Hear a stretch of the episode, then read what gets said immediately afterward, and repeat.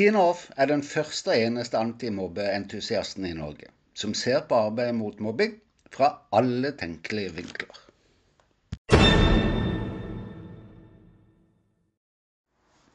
Systemet i arbeidet mot mobbing inneholder en rekke deler, som lovverk, altså skolemiljøloven, strategier, altså nullmobbingsstrategien, avtaler, som partneravtalen, ordninger som mobbeombud, klageinstanser og dokumentasjon, og plikter som aktivitetsplikten, for å nevne noen. Alle offentlige instanser gir skolen ansvaret for å være løsningen i mobbesaker. Det høres jo fornuftig, praktisk og logisk ut at skolen skal feie for egen dør og ordne opp i egne problemer, ikke sant? Men kan en si at det oppleves slik når nesten like mange barn og unge hvert år gir voksne beskjed om at de opplever mobbing? Og hva med mobbesakene som trekker ut i tid? Vil foreldre oppleve skolen som løsninga? Kan vi snakke om det? Klart vi kan! Velkommen til episode 32. Jeg har lyst til å begynne med et eksempel fra en kjent situasjon. Du vet, når barn krangler, og du og jeg kommer til, kan det være mange og sterke følelser i sving. Vi blir fortalt en fortelling fra hver av de, og det vi blir fortalt, er litt som en kamp om styrke og hvem som sitter på sannheten. Altså om hvem som har rett, og hvem som bare skal ha rett. Vanskelig? Ja, noen ganger kan det være vanskelig å vite hvem av de som har mest skyld. Og da ber vi de gjerne begge beklage overfor hverandre. Gjør vi ikke? Og det gjør de jo, for det har vi lært de. Og så tar vi nærmest for gitt at de slår en strek over det som har skjedd, og leker fint sammen etterpå. Også ungdommer krangler, men de gjør jo mer opp for seg sjøl og seg imellom. Voksne ja, voksne er bare uenige, er det ikke sånn? Nei da. Men krangling på voksenplan er gjerne litt mer sofistikert, litt mer implisitt. Mer en diskusjon, er det ikke det vi pleier å si? Forstå meg rett, en krangel mellom voksne kan av og til være godt, tenker jeg. Om det er mellom barn eller oss voksne. Men da mener jeg og sikter mer til krangling mellom venner eller i familien. Skjønner du hva jeg tenker? Det voksne gjør når de, når, de, når de, krangler i langvarige mobbesaker, kan i beste fall kalles klønete, og i verste fall føre til livsødeleggende helsekonsekvenser for barnet. La meg forklare. Når barn sier ifra om at de opplever mobbing, er litt som når du og meg blir skada. La oss si brekker et bein. Vi kommer oss til legevakten fordi det er mer enn hva vi kan fikse sjøl er vi ikke da avhengig av legens kyndige kompetanse til både å få beinet vårt i rett stilling og få på gips som sørger for at det gror rett og sånn? Da handler det ikke om å vente til neste uke eller om et halvt år, men vi trenger hjelpa nå. Eller i hvert fall i løpet av et par timer, da. Snakker vi ikke om den samme type akuttilfelle for barnet når de sier ifra til voksne om mobbing? Er ikke vi, du og meg, i slike tilfeller barnets legevakt? Hvis saksbehandlinga mellom de voksne som skal hjelpe barnet som opplever mobbing, sammenlignes med det som skjer ved akuttilfeller blant de ansatte på legevakta. Ville vi sett et samarbeid mellom rektor, lærer, foreldre og fastlege f.eks. For, for å løse og hjelpe pasientens problemer, skader, nemlig barnets? I mine fem, 51 år har jeg som pasient eller pårørende ennå ikke opplevd å være vitne til krangling mellom sykepleiere og eller leger.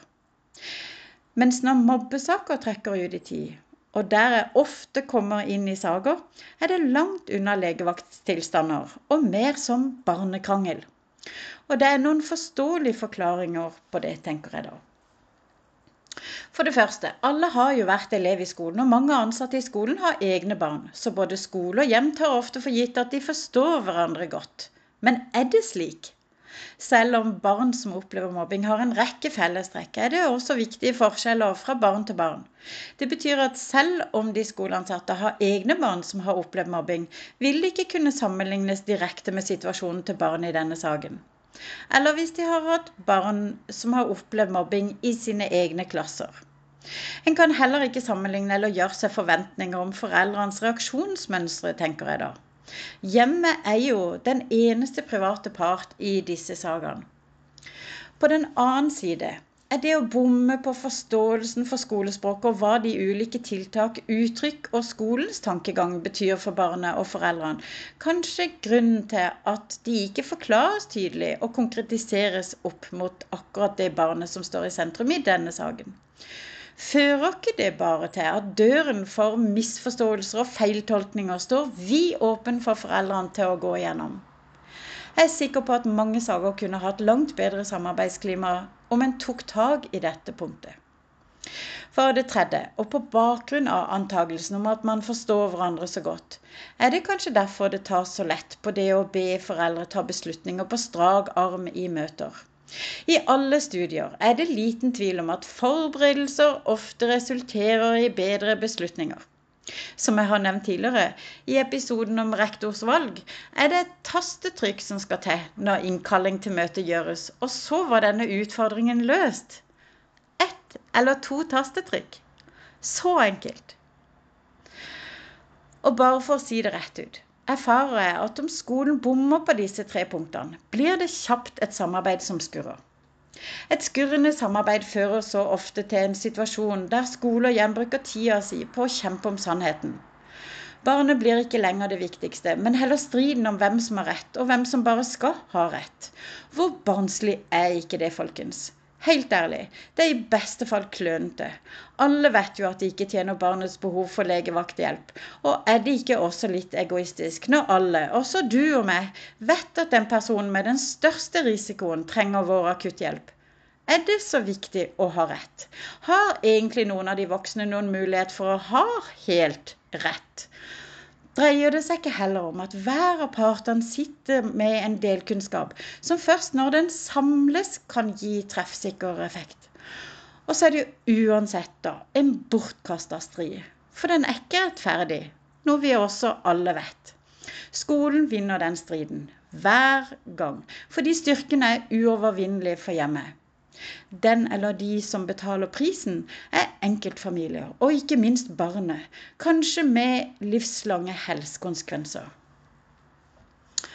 Nettopp det at det er stor maktskjevhet mellom skole og hjem, eller mellom det offentlige og foreldre, for å si det som det, gir noen konsekvenser også for mobbesaker. For det første, så lenge maktskjevheten er så stor mellom skole og hjem, er hjemmet avhengig av at skolen har en iboende vilje til å reise seg i kvalitet. Rett og slett det å bli profesjonelle i arbeidet mot mobbing. Både i det å skape gode elevmiljøer, ha handlingskvalitet når mobbing skjer, endringskompetanse i kjølvannet av mobbing, profesjonalitet i saksbehandling og samarbeide med hjemmet. For det andre, en slik vilje kan altså ikke handle om personlig vilje, for da kludrer følelsene ofte til for kloke valg. Jeg snakker om en yrkesfaglig vilje av kvalitet. En evne til å koble fagkompetanse med faktisk behov, og så en vilje til å lære og utvikle seg i tro med den effekten f.eks. tiltakene har på barnet, eller hvordan samarbeidet i saksbehandlinga fungerer. Det er ikke optimalt at et system skal stå og falle på skolens rektor og ansattes vilje og evne til å reise seg på denne måten, men det er nå sånn det er i dag. Så hva kan vi gjøre med dette? Her er det mange innfallsvinkler, men kanskje er det behov for å anerkjenne hver enkelt person involvert i mobbesaker. Anerkjennelse er viktig, og kan skje på ulike måter. F.eks. som jeg foreslår da, gjennom støtte og drahjelp. Og med hver enkelt person tenker jeg da på anerkjennelse av barnets behov for akutthjelp fra voksenlegevakta. Altså som er treffsikker.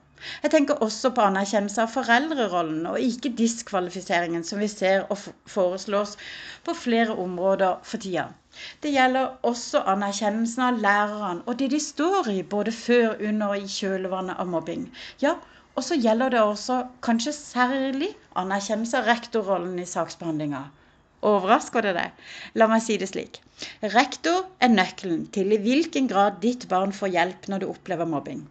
Rektor er nøkkelen til kompetanseutvikling av lærerne. Rektor er nøkkelen for hvilken sannhet og hvem som har rett i dokumentasjonen. Og rektor har ansvaret for å løse mobbesaker alene. Og da må jeg bare få spørre deg. Har vi ikke alle behov for å ha noen å ringe?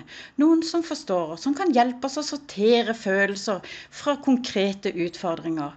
Som en kan idémyldre med og få løsningstips fra. Hver og en av de jeg har nevnt til nå, vil nok kunne rope ut et ja på et eller annet tidspunkt i arbeidet mot mobbing. En annen ting av betydning for å komme videre i samarbeidet, er en respekt for hverandre, en likeverdighet i samarbeidet, og at man rett og slett opptrer ordentlig overfor hverandre. Nei, skolen kan ikke forlange dette fra foreldre. Men er det ikke ganske så vanskelig å være uhøflig, vanskelig og kranglete, om en blir møtt med respekt, likeverdighet og ordentlig opptreden? til slutt og til ettertanke.